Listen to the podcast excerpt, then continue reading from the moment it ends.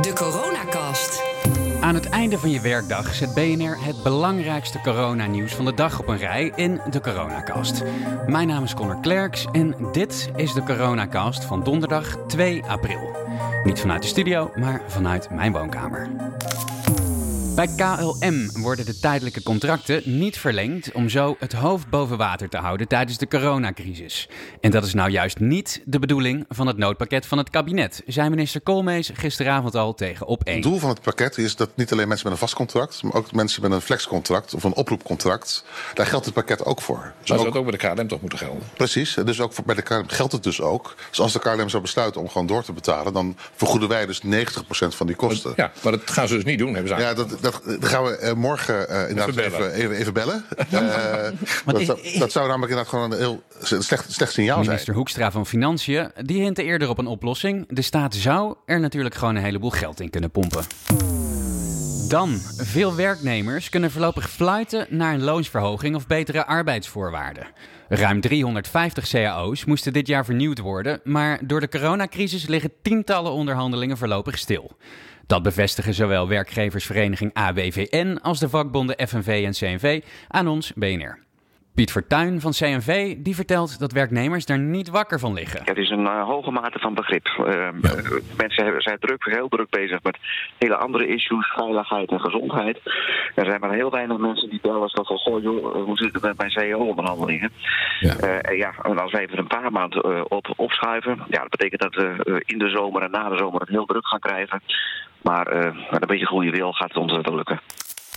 In de Verenigde Staten is de werkloosheid flink toegenomen. Afgelopen week zijn er zo'n 6,6 miljoen werkloosheidsuitkeringen aangevraagd.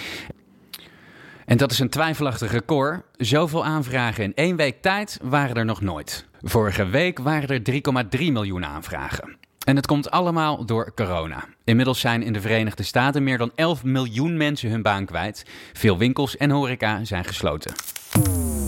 Goed nieuws dan. Onderzoekers van de TU Delft zeggen een verbeterde reinigingsmethode te hebben ontwikkeld voor mondmaskers. Hierdoor kunnen FFP2-maskers die gebruikt worden tot wel vijf keer worden hergebruikt. En wat doen ze dan? De maskers worden een kwartier lang gereinigd op een temperatuur van 121 graden. Eerder zei het RIVM dat de maskers maximaal twee keer mochten worden hergebruikt, dus dit is een flinke verbetering. Sympathieke Lion Delft, want de nieuwe methode is gratis beschikbaar voor ziekenhuizen. Dan naar de cijfers. Er zijn vandaag 625 nieuwe coronapatiënten in de ziekenhuizen bijgekomen, zegt het RIVM. Daarmee liggen er nu 5784 patiënten in het ziekenhuis.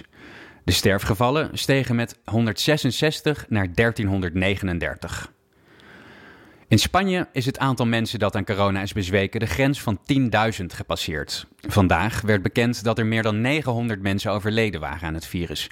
Dat aantal was nog niet eerder zo hoog.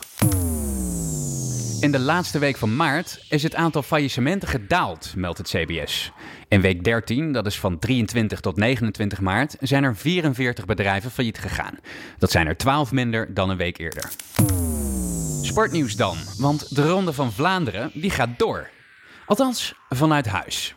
De wielerklassieker was eerder geschrapt door het coronavirus, maar daar hebben ze wat op gevonden. Een groep thuiswerkende wielerprofs gaat de laatste 32 kilometer van de koers virtueel fietsen op een rollerbank, gewoon vanuit huis. Aanstaande zondag is het dan net als normaal op televisie te zien, inclusief commentaar. Dit was de Coronacast van donderdag 2 april. Mijn naam is Connor Klerks en morgen zijn we er weer.